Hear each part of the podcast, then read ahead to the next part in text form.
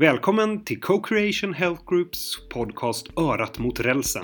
Det är här du får det senaste inom e-hälsa och läkemedel. Och ja, jag heter Karina Tellingen McNeil. Och jag, Kristoffer Klerfalk. Du, Karina, på tal om räls. På 10 poäng, vart är vi på väg? Föreningen med cirka 85 medlemmar jobbar hårt med att hålla informationen om produkterna i fas. På 9 poäng. Under hösten 2015 planerades en flytt till ett nytt Life Science Center på Sveavägen 63. Men vänta nu, ledsen att jag avbryter dig Kristoffer. Men det är inte ett frågesportsprogram vi gör, det, typ På spåret, utan vi gör en podcast som heter Örat mot rälsen. Och det känns en aningen krystat när jag vet att vi ska till Läkemedelsindustriföreningen, alltså läkemedelsbolagens branschorganisation, LIF, och träffa deras VD Anders Blank. Ja, ja, ja, jag drog väl iväg lite grann som vanligt då. Men håll med om att 10-poängsfrågan var lite fyndig. Ja, ja, kom nu, Anders väntar. Ja, jag kommer. Hej Anders Blank. Hur står det till idag? Jo tack, det står faktiskt till väldigt bra idag. Ja, vad bra. Det är det som är intressant att se. Vi skulle ha setts för någon dag sedan och då fick vi en så här på tidigt på morgonen bara Det har kört ihop sig, kan vi ta det en annan dag? Och så föreslog vi nya dagar och så sa Anders bara Vi måste hinna göra det här innan jul. Eh, jag löser det. Och sen hittade vi en, en tid och nu sitter vi här bara en väldigt kort tid senare. Och är det ofta så att du får vara lite eh, flink när det gäller att boka och fixa och trixa? Ja, man ägnar en, en hel del av sin tid åt att boka om saker. Och det är väl en del i jobbet att vara att vara flyhänt och att vara lättfotad och ja. kunna boka om snabbt. Och då får man ha eh, tacksamma kollegor och eh, vänliga kollegor som förståelse för att det är en del i jobbet. Ja, mm. ja för du är ju VD för LIF. Hur, eh, vad är ditt viktigaste uppdrag i det? Vad förväntar sig dina medlemmar? Mm. Vi har ju då 85 medlemmar som är allt från eh, små svenska eh, läkemedelsföretag till stora globala jättar på läkemedelsmarknaden. Och de här företagen är konkurrenter. Och det är ju det som är specifikt för en branschförening som oss, att de är ju framförallt konkurrenter. Det vi gör i branschföreningen är att jobba med de frågor som man har gemensamt. Det kan handla allt från branschstandarder till vårt helt unika etiska regelverk vi har, liksom så på något sätt begränsar marknaden men försöker mm. skapa en, en, en sund konkurrens mellan företagen. Mm. Men sen tror jag allt mer att man över tid vill ha en branschförening som är en viktig röst i samhällsdebatten och som påverkar. Mm. Det är, det är, ju en organisation för påverkan. Mm. Eh, man är med i LIF av två skäl. Dels för att man ska få information och nätverka mm. traditionellt, sånt som man gör i andra branschföreningar. Mm. Men jag tror också att över tid har det blivit mer att man faktiskt är med för att det här är en av de få möjligheter man har som företag att påverka den politiska utvecklingen. Och att, att i och med att du talar för så många så blir det en, en röst som når fram liksom. Och man får ju i vissa frågor i alla fall en helt annan trovärdighet ja. om man pratar för en bransch, ett kollektiva företag, än, än att du får som ett individuellt företag. Mm. Det gäller inte alla frågor. När det gäller frågor som handlar om specifika forskningsinvesteringar eller terapiområden och sånt så är det oftast företagen som har en högre trovärdighet och de är experter på sina områden. Ja. Men pratar vi mer diskussioner med beslutsfattare generellt, med statliga myndigheter, med regionala och lokala myndigheter och organisationer men också på regeringskansli och politiken så, så är det ju branschföreningarna som har en större trovärdighet just för att ja. man representerar många fler. Vi kommer in lite grann på, på, på just de frågorna men, men innan dess är det ju eh, intressant det här med Brexit. Och den diskussionen eh, har ju börjat nu om att flytta EUs läkemedelsmyndighet EMA då från London och hur ser Sveriges intresse och möjligheter att få EMA eh, hit ut? Jag tror Sverige har en väldigt god eh, möjlighet faktiskt att få EMA. Eh, vi gick ut väldigt tidigt i år, i februari redan, så började vi ju trigga den diskussionen med en debattartikel. Jag skrev att det var ju innan vi visste att, att engelsmännen skulle vara så korkade så att de röstade för Brexit. Men nu gjorde de det. eh, och så att vi, om det nu händer så bör ja. vi hålla oss framme. För vi tror att EMA skulle passa väldigt bra i, och ni, i Sverige. ni var ju först att ta det först att ta klivet. Ja. ja. Eh, det är bra att vara först med något, i alla fall en sån positiv sak som EMA. Jag tror möjligheterna för Sverige att få EMA är, är goda. Eh, vi har ett antal starka konkurrentländer eller städer eller regioner som vi tävlar med. Några är väldigt bra. Vi är också väldigt bra. Mm. Och det som talar för Sverige, det är ju att vi har en av de starkaste läkemedelsmyndigheterna i det europeiska systemet, Läkemedelsverket. Och det är klart att det inte är någon, någon direkt kausalt samband med att vi skulle få EMA för det. Nej, men vi har visat att vi har den vetenskapliga kompetensen. Mm. Uppenbarligen så har vi kompetens och höjden. Mm. Vi, har, eh, ett, vi är ett av de få länder, skulle jag säga, tillsammans med England, vilket är lite intressant, som i, i de allra flesta sammanhang internationellt hålls fram för att vi har ett positivt life science-klimat. Mm. Life science är en viktig fråga. Mm. Eh, och vi har, som jag då kanske inte alla vet, vi har en av, en, en av de få länder i världen, skulle jag säga, eller framförallt i Europa, som har regeringar som under alla år har stått upp för sådana basala saker för branschen som immaterialrättsliga skydd och patentfrågor och sånt. Har Mm. svenska regeringen, oavsett politisk färg, Mm. alltid varit en stark röst. Det är sånt som mina kollegor ute i Europa vet. Mm. Så när de talar om liksom, potentiella ställen för EMA så är Sverige ett av de topp tre länder man nämner. Och då ska bara politiken också samla sig kring det här och, och verkligen bygga någon, eh, någon eh, gemensam strategisk eh, liksom riktning och sen... Mm. Jag tror att det finns två utmaningar för Sverige. Eh, Den ena utmaningen, den kan vi inte göra mycket åt förutom att jobba tillsammans för den. Det är ju vårt geografiska läge. Det är ju så, vi ligger långt uppe i ingen norr. Det är, alltså det, det folk vet om Sverige är ju egentligen att det är isbjörnar och björnar. Alltså, men det är fantastiskt Mm. på sommaren men det är kallt och mörkt. Och det, Mm. det är, vi är inte i centrala Europa. Man kan inte åka tåg från eh, Bryssel eller Paris Mm. hit kort. Mm. Utan det, det är en nackdel. Den andra nackdelen är vår egen som vi har skapat och det är att vi har väldigt svårt i Sverige att ta ställning för var någonstans det här ska hamna. Mm. Alltså, vi vill säga Sverige men det kommer inte att hålla i längden. Till slut måste man bestämma sig för var. Är det Stockholm-Uppsala? Är det Lund-Malmö eller är det Göteborgsregionen som vi ska gå för? Det måste man fatta ett beslut om. Ja. Och det är jättesvårt i Sverige att ta den typen av beslut för det blir Mm. regionalpolitik väldigt tidigt. Ja. Ehm, och så att det här är de två utmaningar tyvärr generellt Mm. som riskerar att vi ja, tappar fart. Den andra frågan, tappar vi fart på den andra är ju inte mycket vi kan åt. Vad vi ligger i världen kan vi inte göra mycket åt. Nej. Nej. nej. Ehm, i förra veckan så beslutade regeringen att man skulle tillsätta en ny utredning och man uppdrog då Toivo Heinsoo att göra en övergripande översyn över dagens system för finansiering, och subventioner och prissättning av läkemedel. Han ska enligt direktivet analysera och ta ställning till om det nuvarande systemet med särskilda statsbidrag för läkemedel inom förmånen fungerar eller om det bör förändras. Vad har du för förhoppningar att den här utredningen ska komma fram till och föreslå? Mm. Jag tror att den allra viktigaste förfrågan eh, som utredningen har att titta på, och det är också väldigt tydligt i direktiven, det är ju finansieringsfrågan. Alltså ska vi ha kvar det särskilda statsbidraget? Eh, eller ska det läggas över till landstingen i det generella statsbidraget? Mm. Eh, den frågan är 20 år gammal. Mm. Och den konstruktion vi idag har med att staten och landsting förhandlar en gång om året. Mm. Eh, ibland kommer de inte ens överens, men att man gör det bygger på den gamla bilden av läkemedelsförmånen som fanns i slutet på 90-talet där läkemedelskostnaderna ökade med tvåsiffriga procenttal varje år. Och det låg på statsbudgeten. Och då handlade frågan om vem ska betala för den här förgiftade gåvan? Så, och det lägger vi liksom kvar i. Det måste man bryta, det var en helt Är det annan en förgiftad situation. gåva? Nej, så det, det, jag tror att det är så den i under många år upplevdes. Eh, landstingen upplevde tror jag att de inte hade någon som helst kontroll över utvecklingen. För det beror ju på hur många nya bra läkemedel som kommer. Ja. Vad, vad driver utvecklingen? Kommer det någonting bra eller kommer det inte något bra? Mm. För att kommer det saker som är väldigt bra så är det väldigt svårt för sjukvården att inte använda dem. Sen kan vi diskutera hur fort det här går, om det är jämlikt, men det är, det är ju det som styr helt och Mm, hållet. mm. Under 90-talet kom det väldigt många blockbusters, stora läkemedel. Ja. Och då fanns ju den här bilden av att den här kostnaden kommer bara öka och öka och öka. Och det gjordes ju sådana framåtskrivningar av kostnaderna som ju gav vid handen att det 2010 skulle läkemedelskostnaderna vara 80 miljarder kronor. Mm. Det blev de inte. För det händer andra saker. Mm. Som delvis är politiskt betingade. Vi införde generiskt utbyte som har fungerat extremt väl om man nu tittar i alla fall i kostnadsbesparande många termer. patentutgångar. Många patentutgångar och så vidare. Så den frågan måste man klara ut, för den lägger någon form av hämsko tror jag på alla parter i det här. Det blir, det blir, en, det blir en strid om hur mycket pengar eller hur lite pengar man ska få och ge. Och det någonstans är ju Mm. liksom inte riktigt bra för utvecklingen och inte speciellt modernt. Så den frågan är ju prioritet ett för utredning och den borde man kunna komma överens om hur man gör. Är ju egentligen inte så mycket en utredningsfråga utan en förhandlingsfråga. Mm. Mm. Det är en förhandlingsfråga mellan staten och landstingssektorn hur man vill göra. Och man, men den har inte lösts på 20 år så något måste man göra och då är utredningen den väg man, man har tror jag. eh, Mm. Att göra det.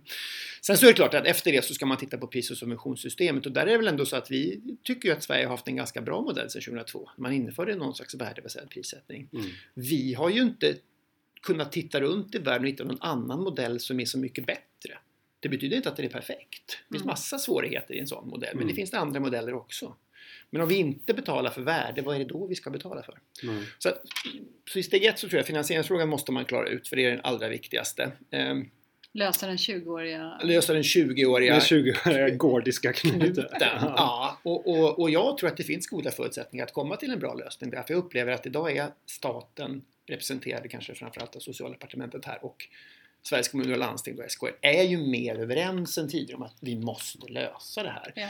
Mm. Sen har du då utvecklingen att öppenvård och, sjuken, sju, öppenvård och slutenvård har olika system idag. Finns det någon logik i det? Det som är slutenvård idag är öppenvård imorgon. Det, Det handlar ju mer om var patienten ligger, vilken säng man sover i. Absolut, och så har du hemsjukvården Mm. som kommer in och du har alla andra eh, förändringar som sker. Jag brukar säga, tittar man tillbaks när man 2002 när man införde det prissättningsmodell vi har idag, det prissättningssystem vi har idag, så var 20% av eh, läkemedlen i volym kanske generiska. Idag är det 60%.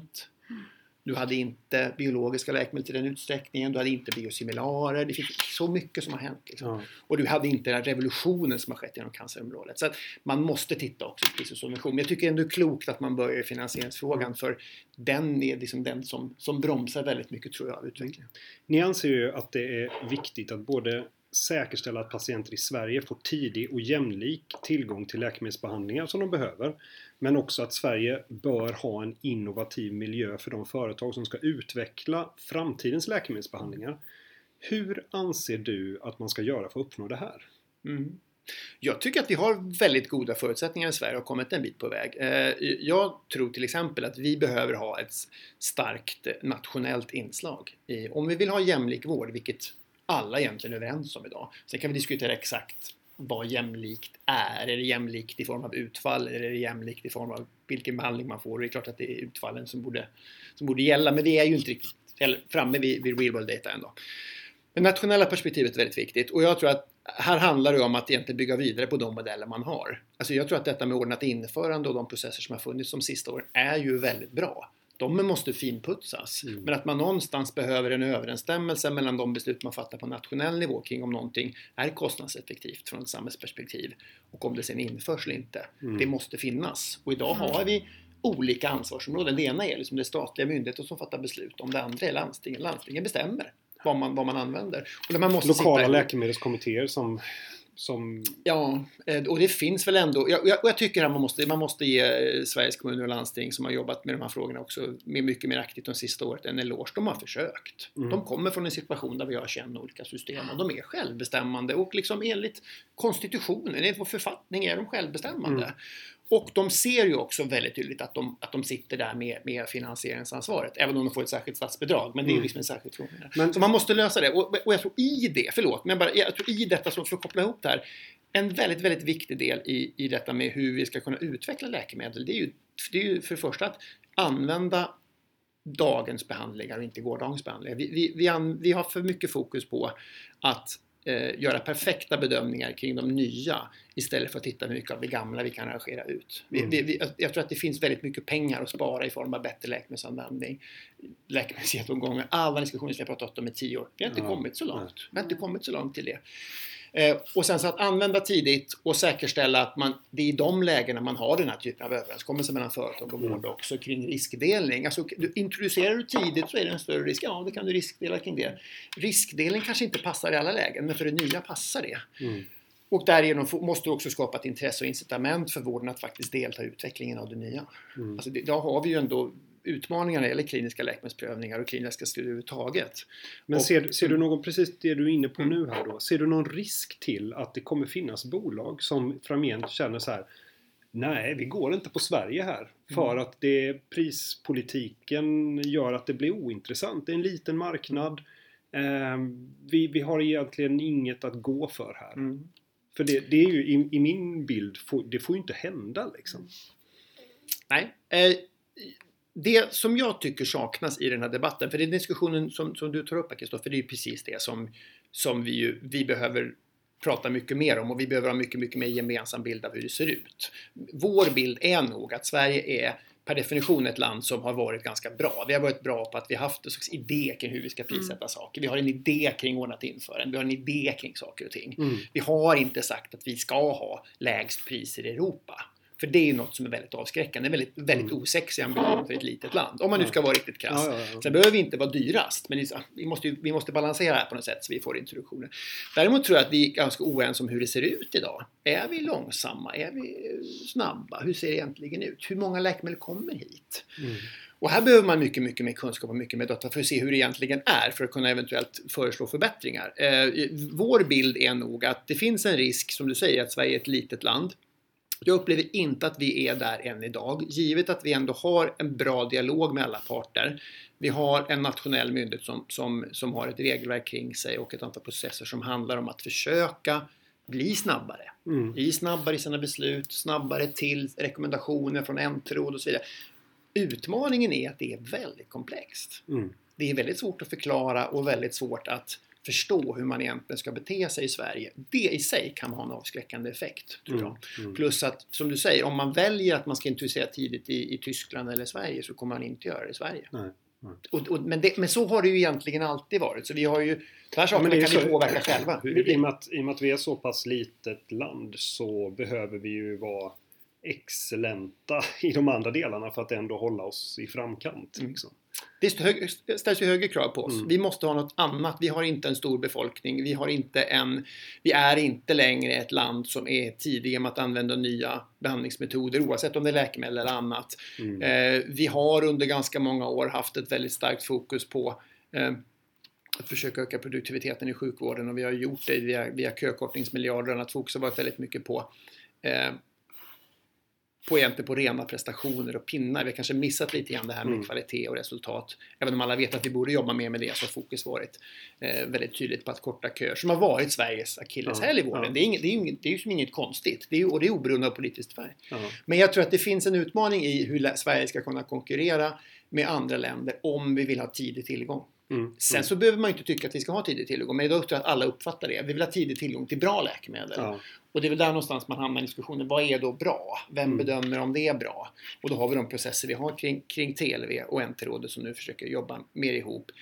Det tar ganska lång tid fortfarande om man tittar från till exempel när vi har ett europeiskt godkännande mm. tills att någonting mm. verkligen finns. Mm. Så har vi mm. ett år. Och, och, frågan är, ska det ta ett år? Men det är inte den ena partens fel. Är, man kan inte säga att det är bara systemets fel. Utan det här handlar ju faktiskt om hur företaget också agerar. Så att det, det, det, man ska inte skylla bara på att vi har så tröga processer. Utan du, du kan ju faktiskt påverka dem som företag. Men jag tror att där måste man korta mm. tiden. Mm.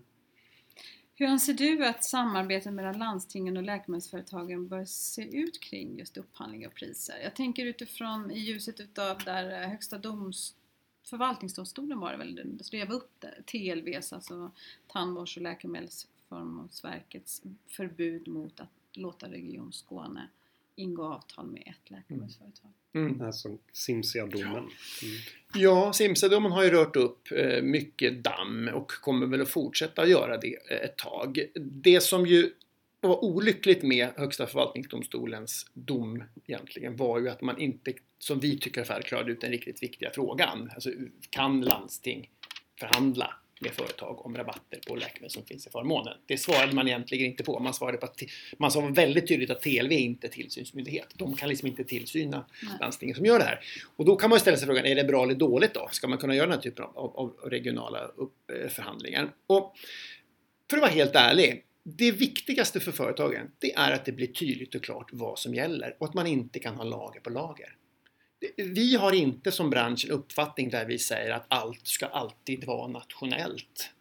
Eller allt ska alltid vara regionalt. Men däremot så kan det finnas väldiga problem med att ha parallella system. Här har du ett system där du först ska då ägna månader åt att diskutera med subventionsmyndigheterna om vad som då gäller ja. i det nationella systemet. Mm.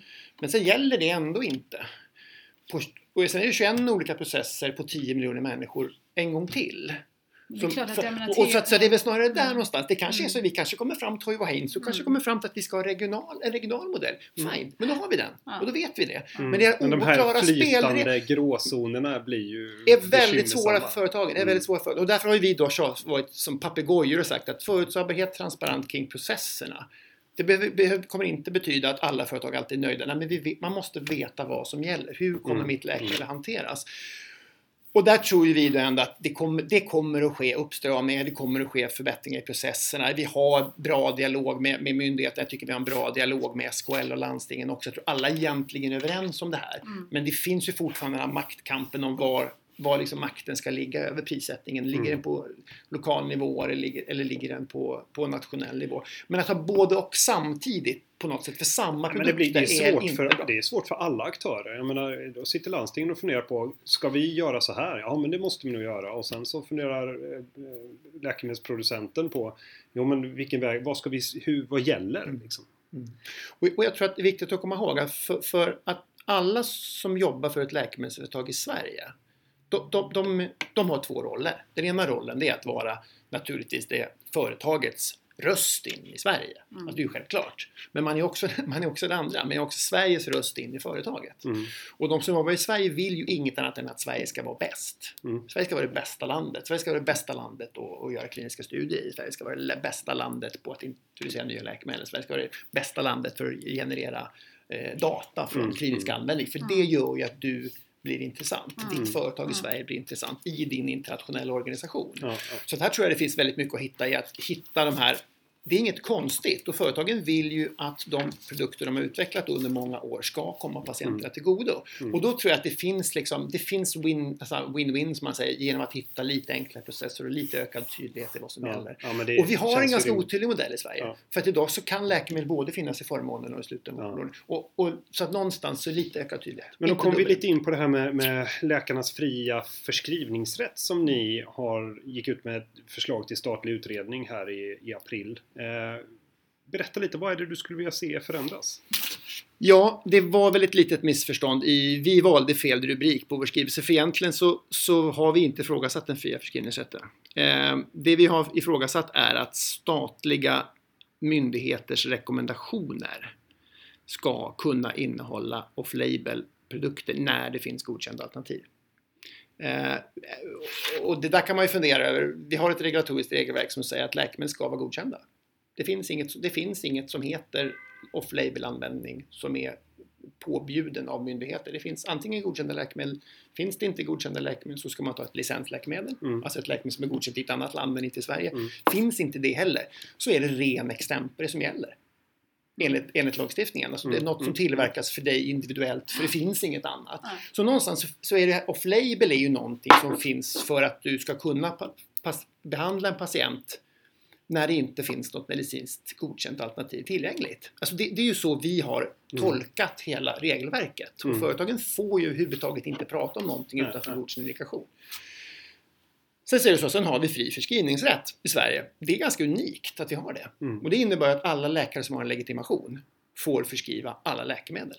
Eller får skriva läkemedel för alla tillstånd. Det vill säga en neurolog i, i Norrlands inland får förskriva ett läkemedel mot reumatoid artrit. Fast man inte är specialist på det. För annars brakar liksom vården ihop. Mm. Och då gör du det på ditt eget ansvar. Det är din legitimation säger att du har vetenskap och beprövad erfarenhet får du använda.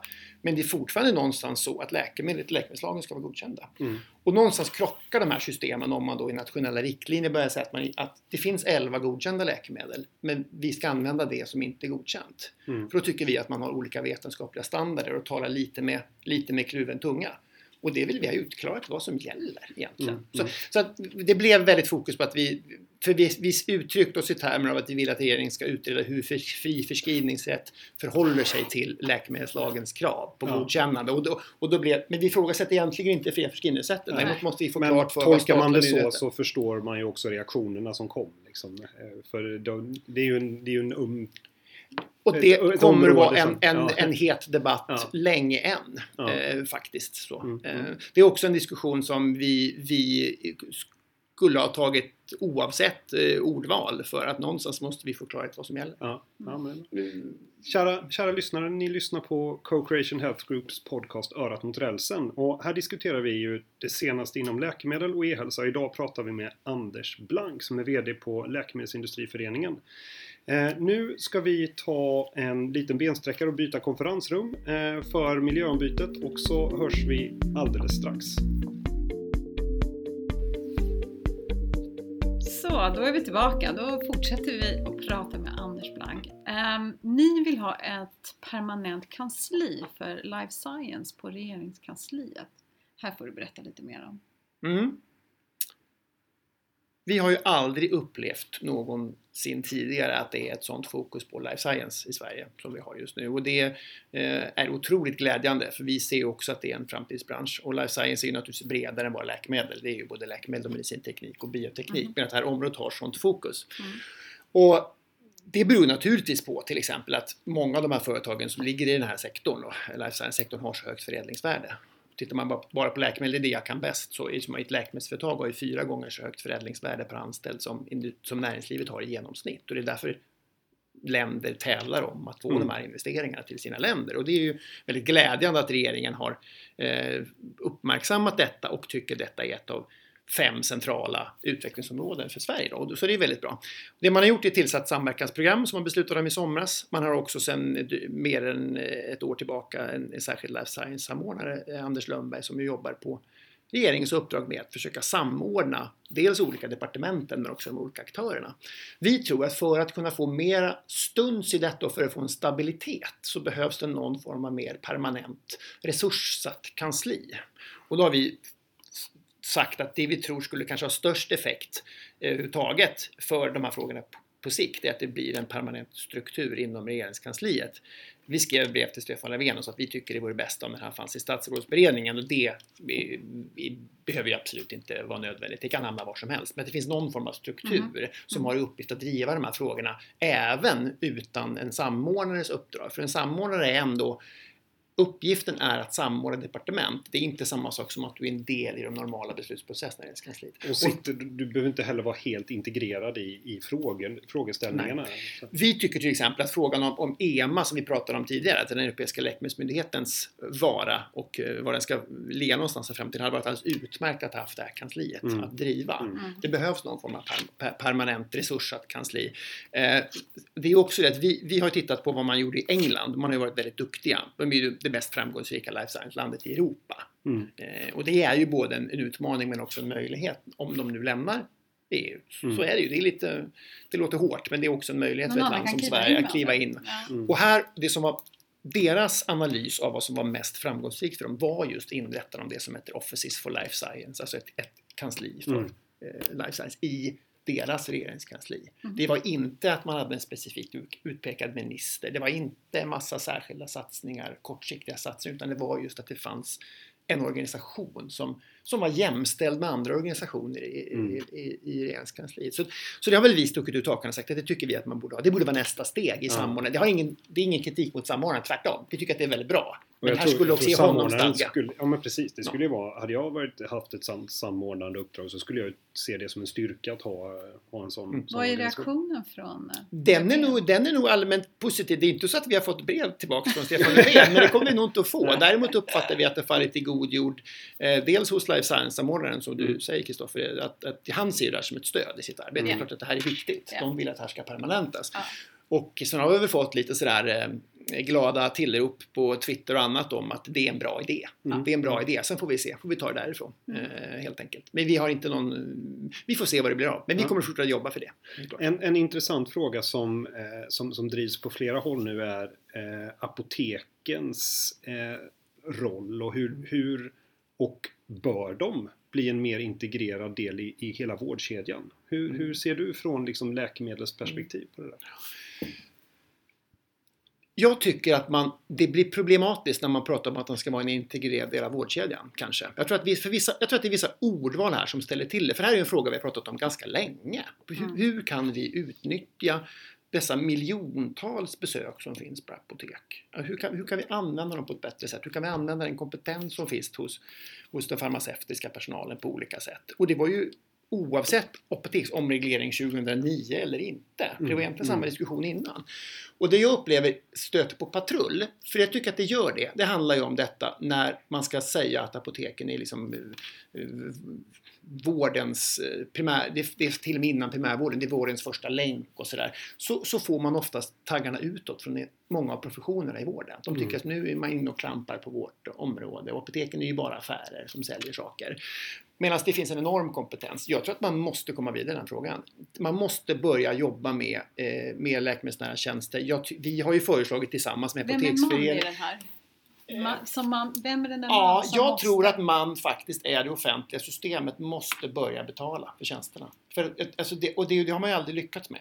Alltså ska, man, ska man vara den här tjänsten, ett måste man definiera exakt vad man ska göra. Mm. Mm. Vi ser ju, eh, vi ska inte nämna eh, vissa kedjor, apotekskedjor vid namn, men det finns ju ett nytt initiativ till exempel i Skåne där en av kedjorna går ut väldigt tydligt och säger vi kommer att jobba mycket mer med de här frågorna. Vi säger att vi har en roll att spela när det gäller att eh, förbättra läkemedelsanvändning och försöka, försöka eh, sänka kostnaderna för den och nu kommer vi göra så här. Mm. Den typen av initiativ tror jag är väldigt bra. Idag är ju de från apotekens sida ofinansierade. Det, det är något de gör Är för att för skapa att, lojalitet. för att visa en lojalitet ja, och för att visa att man är en kunden. samhällsspelare, vilket är Ja. väldigt bra. Ja. Det är väldigt Ja. bra. Ja. Men, men för att det här ska bli bä, bä, bärkraftigt över tid så måste man också kunna se att man någonstans ska få betalt för det här. På något sätt måste man få betalt. Antingen i form av ökad kundlojalitet eller merförsäljning Mm. eller också är någon som betalar för det här. Och jag tycker att det är så udda att vi säkert i alla fall i 15 års tid har pratat om hur vi på olika sätt kan stimulera till bättre läkemedelsanvändning du vid pratade apoteken. tidigare om, eh, om det här med att vikten av att vi får en- bra läkemedelsanvändning i Sverige. Mm. Och jag menar, krasst skulle det kunna vara så att om vi fick bort kvalitetsprisskostnaderna Mm. som och, och idag uppstår i, med läkemedelsbehandling för Mm. vissa patienter.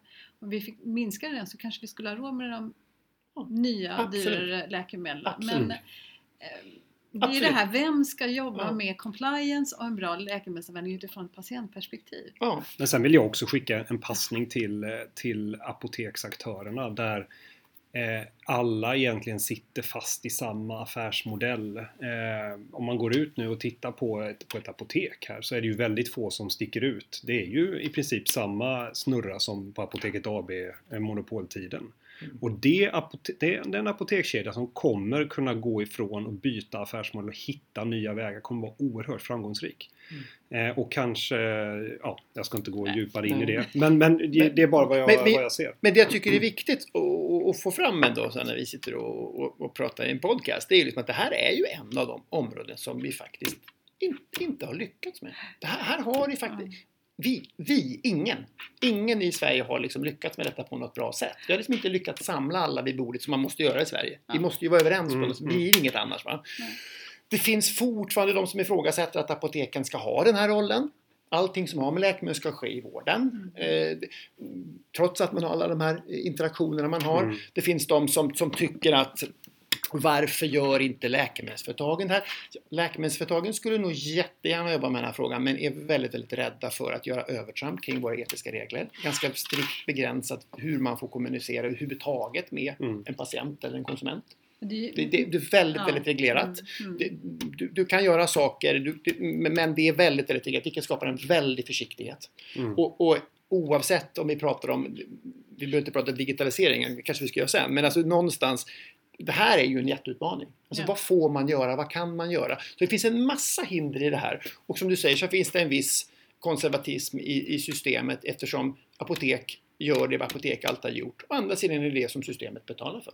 De Mm. betalar apoteken för Det det är, de ju, alltid det har är ju gjort. passningen som, eh, som apotekskedjan skulle säga till mig när jag sa det där innan. Mm. Att ja, men vi, måste, vi, vi, får, Mm. vi får ju inte betalt. Liksom. Eh, Men, Ska vi gå vidare ja, här? kanske- jag tror att vi går vidare på digitaliseringen Ja, här. ja. Vad ser du är LIVs roll? Jag menar, regeringen och SKL har ju gemensamt satt en offensiv målsättning här att 2025 så ska vi vara bäst i världen. Vad, ser, vad gör ni? Mm. Vad bidrar ni? Jättebra fråga. Eh, och jag skulle säga att vad gör läkemedelsbranschen? Stort frågetecken skulle jag säga. Eh, det vi gör här och nu är att vi försöker faktiskt få kunskap om två saker. Eh, för vi upplever att vi stödjer, vi stödjer den här visionen med e-hälsa, vi ska vara världsbäst på e-hälsa 2025. Eh, det är ju ett väldigt ambitiöst satt mål och frågan är hur man fyller den här med innehåll. Och sen kan man fundera över, över vad våra företag har för roll. Och vi pratade lite innan om det här med att det finns ganska stora begränsningar för vad du, vad du kan och får göra som företag. Både lagstiftningsmässigt utifrån eh, hur man får marknadsföra eller kommunicera kring läkemedel. Sen har vi en massa självpåtagna regler som vi har gjort. Dessutom har vi en överenskommelse med SKL. Massa spännande massa spännande saker. Massa spännande saker. Så det mm. vi försöker skapa nu det är två, två saker som vi som LIF och som branschförening försöker göra. Det ena är att göra en ordentlig legal genomlysning över hur systemet ser ut. Mm. För allt från den EUs dataskyddsförordning, liksom över allting. Vad är det egentligen som gäller? Ni gör det? Ja, vi kommer att göra det. Vi, vi, vi, vi drar igång ett sånt arbete och det beror på att Ja, alla säger men det går inte.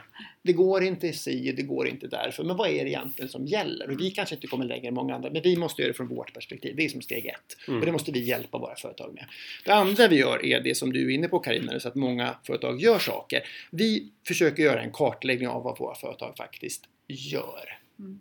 För att vi ska kunna vara en reell diskussionspartner kring förändringar som behöver göras. Då måste vi, vi måste, vi måste känna veta vad som händer där behov. Ja, ja, och, vi, och ja, där är inte vi tillräckligt Men det här bra, går ju snabbt också Anders. Det, det, kom, ja. det dyker ju upp många initiativ med... Risken är att ni gör en analys nu, om en vecka så är det... Mm, absolut. Händer ja. ja. men jag vet men ju... att ni fått en startpunkt i alla fall. Men i alla fall så gör, och vi gör det som ett stöd till företagen och för, för pepp hjälpa företagen att vara aktiva. Mm, mm. För oftast är det ju de som måste vara aktiva. Ja. Sen ser vi, jag är helt övertygad om att många av de nya funktioner och tjänster och sånt som dyker upp innebär ju olika typer av samarbeten både mellan apoteksaktörer och, och läkemedelsföretag och IT-företag och andra sjukvård. Mm. Så att det händer ju saker. Mm. Men, men det är fortfarande vad vi ska spela för roll som branschförening här, det, måste, det, det, det är inte vi klara med. Mm. Och det behöver vi göra, det har vi en hemläxa att göra. Ja. Tror du, alltså, finns det något incitament för läkemedelsföretagen att liksom finnas med och driva utvecklingen av e-hälsa?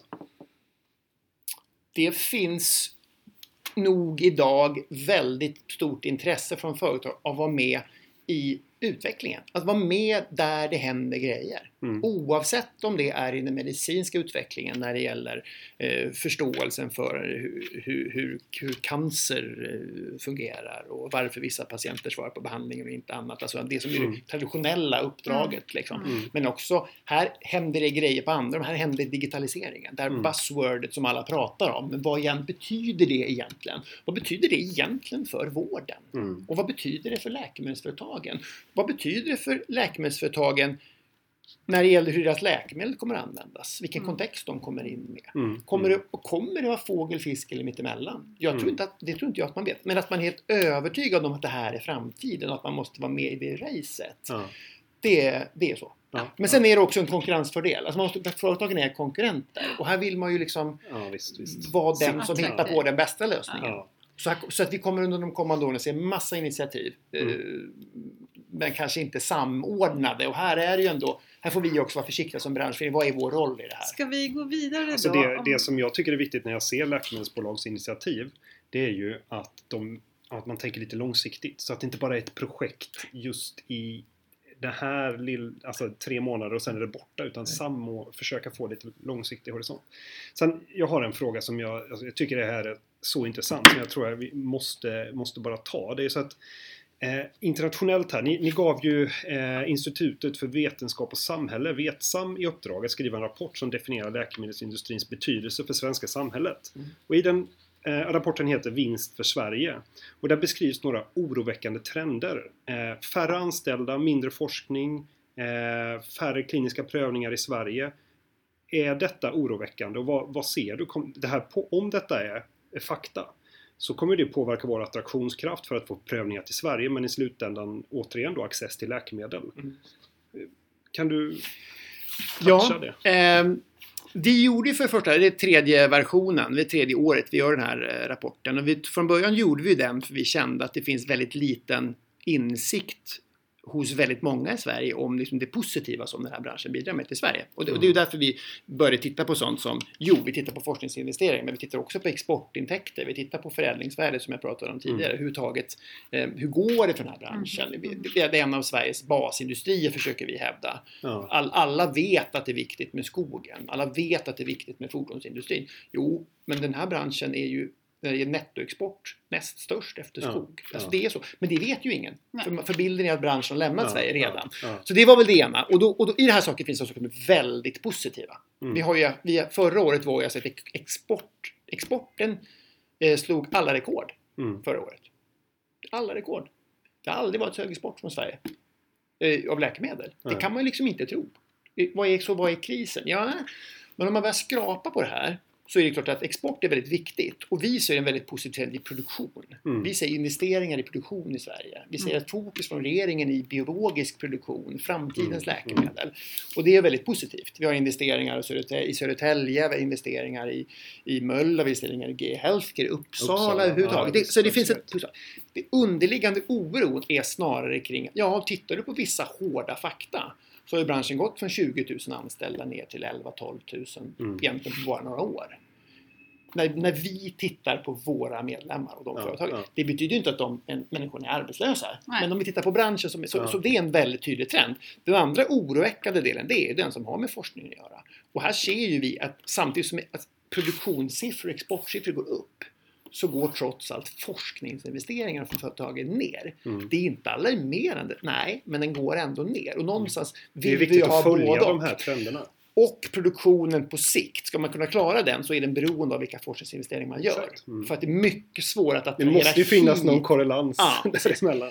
Så, så, att, eh, så det är utmaningen. Utmaningen är kliniska läkemedelsprövningarna som vi har tappat väldigt, väldigt mycket. Mm. Eh, vi kommer nog aldrig komma tillbaka till den tid då vi var bäst i världen i relation till vår befolkning. Det, det kommer vi nog aldrig att lyckas med.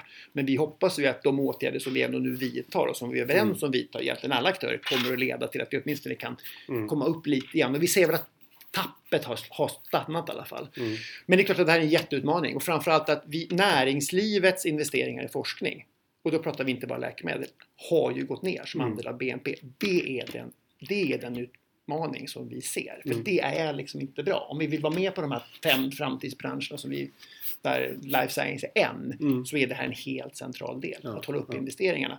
Och då är forskningspropositionen som, kom, som presenterades igår, Ja, jätte, eller i måndags, Förrgår, jätteviktig. Ja. Men det handlar ju också om att attrahera företagens forskningsinvesteringar. Så Ja, att man visst, investerar här och inte bara i Belgien och här och inte istället för Irland. Och det här är och det, så det är väl en, en långsiktig varningsklocka som vi liksom ändå vill lyfta upp. Allt är inte rosenrött även om mycket är bra. Kära lyssnare, som ni kanske hör här nu så är ju Anders ganska engagerad. Och det är ju det är kul när det, när det finns den här typen av engagemang. Eh, men då kommer vi, om, kommer vi över lite grann på dig som eh, person. Ehm, ja, du har ju studerat både statskunskap och ekonomi och innan du kom till LIV så arbetade du som departementsråd på Socialdepartementet. En del skulle kunna säga att du gick från the light side to the dark side. Mm. Hur var det att flytta till den kommersiella sidan? Det var faktiskt eh, väldigt enkelt. Jag uppfattade eh, det inte som ett eh, jättestort steg. Jag, jag tvekade ju mycket inför steget. Jag trivdes väldigt bra i Regeringskansliet. Jag hade varit där ganska länge och kände att jag behövde göra något annat och så fick jag erbjudandet om att komma till LIF då som, som vice VD och chefsekonom faktiskt på den tiden. Och funderade ett tag och tyckte att det, det var ju faktiskt roligt. Jag tyckte läkemedelsområdet var kul. Jag jobbade mycket med det på departementet. När jag kom till LIF så uppfattade jag det som, jag fick en kommentar från en högt uppsatt person i en av våra statliga myndigheter som, eh, som inte var glad. Och som sa att, eh, aha, jaså du, du ska gå till industrin du. Nu är det du som tar tag i det här med alla läkare som sitter i industrins knä. Det var liksom den enda, enda var- negativa okej, kommentar ja. jag fick överhuvudtaget. Så jag upplevde aldrig att det var ett stort problem. Sen är det en branschförening, något mellanting. Ja. Skulle jag säga. Det är liksom, ja det är kommersiellt, ja dina, dina, dina medlemmar är det. Och det, och det är ju som är så tjusningen i det här att du är någonstans mittemellan. Du ska ju ta de här kommersiella aktörerna och göra dem relevanta Ja. i någon form av samhällsperspektiv. Där Ja. man inte Ja. tänker bara på sig själv utan på the common good. Ja. Så att jag, tycker, jag tycker att det var bara stimulerande faktiskt. Men, Ja. men det, en, en negativ kommentar har jag fått faktiskt. Ja. En annan, en annan sak som vi funderade lite på när vi, när vi gick hit var så här, du ingick ju tidigare i styrelsen för Karolinska Institutet. Mm. Eh, ha, hur har Macchiarini-fallet påverkat dig? Har du haft någon beröring? Ja, absolut. Det har jag. jag satt ju i, i eh, KIs styrelse som en av de representanter som utses av regeringen. Mm. Eh, och jag hade ju suttit egentligen min tid och skulle ändå lämna i april i år. Ja. Eh, sen var tanken att eh, eftersom Utbildningsdepartementet jobbade med att se över så att säga, sina processer liksom, och rutiner för att utse styrelseledamöter, för det är ju ett väldigt eh, ansvars eh, och viktigt uppdrag, så skulle vi då Tanken var att vi skulle ha suttit kvar tills Mm. man var klara med det här. Mm. Och det precis mitt i den här skarven så briserade ju den här Macchiarini-affären. Jag upplever väl att det som ju det, har fått, det har inte påverkat mig på något annat sätt än att jag ju då i läm, jag lämnade KU-styrelsen. Jag Mm. tyckte det var ganska självklart egentligen att man Mm. gjorde det. Och man kan fundera över om man kanske redan skulle ha fattat det beslutet på en gång för regeringen. Mm. Liksom att Mm. alla borde ha klivit av. Nu Mm. blev inte det beslutet utan det är där vi är nu, Mm. ytterligare ett antal månader senare. Jag upplever nog snarare att en väldig lärdom av mig av dels hur extremt komplexa de här systemen är och också att eh, det finns en del att göra i rekryteringsprocesser, hur man kollar CV, man kan fundera väldigt mycket i det här fallet kring styrelsens roll i relation till regeringen och till rektor och sånt. Jag kan inte säga att det har påverkat mig mer än att det är, liksom en, det är en ordentlig läxa man har Mm. lärt sig, att man någonstans eh, har varit mitt i detta Man men får ändå känslan inte... att det var en stor förförelse som skedde. Eller? Ja, men jag tycker, jag tycker diskussionen, vi, vi har ju som styrelse ingenting med Mackin att göra. Nej. Nej. Förrän TV-programmet. Ja. Och det, och det är ju lite intressant kan man Ja, någonstans ja. fundera För man tror ju att styrelsen är extremt involverad i Mm. detta som har med den dagliga verksamheten. Nej, det har man ju inte. Du har ju en ledning för universitetet. Mm. På samma sätt som, som jag är, leder min verksamhet Mm. här. Det är ju inte min styrelse som är inne varje dag och tittar på Nej, hur nej, jag gör nej. på jobbet. Så, så, att, eh, så personligen känner jag inte, mer, mer än att det är naturligtvis en otrolig lärdom och eh, Mm. ehm, Mm. ja, mycket att, jobba, mycket att göra i den Ja. Kiruna-frågan. Ja.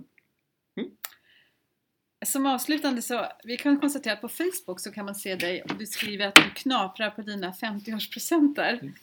Och hur tycker du det är att vara mitt i livet? Har, det nu kommit, har tiden nu kommit för självförverkligande eller är det en livskris? Nej, det var värre att fylla 40 tyckte jag. 50 tyckte jag var mest Tack, njutnings, tack då, då jag jag njutningsfullt. Det beror ju på var man är någonstans i livet. Nej, jag, jag, ehm, nej, jag tycker att det var, det var mest njutningsfullt faktiskt att fylla 50. Eh, så det är väl så. Eh, man funderar ju alltid på vad man ska göra när man blir stor. Och det gör man även när man är 50. Ja. Eh, så att jag tycker att det är en ganska, ganska bra tid. Jag har barn som börjar eh, bli vuxna och flygfärdiga och sånt. Och det är faktiskt, man återuppfinner sina barn.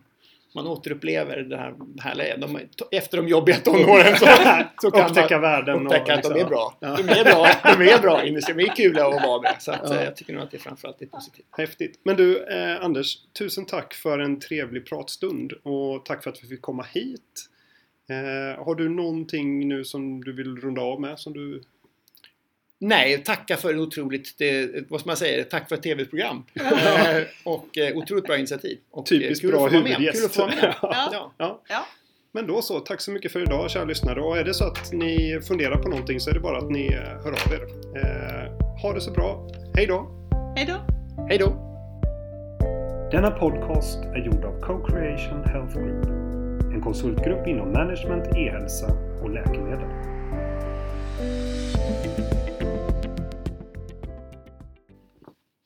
Nu är jag jätteoartig. Nu rusar jag. Spring!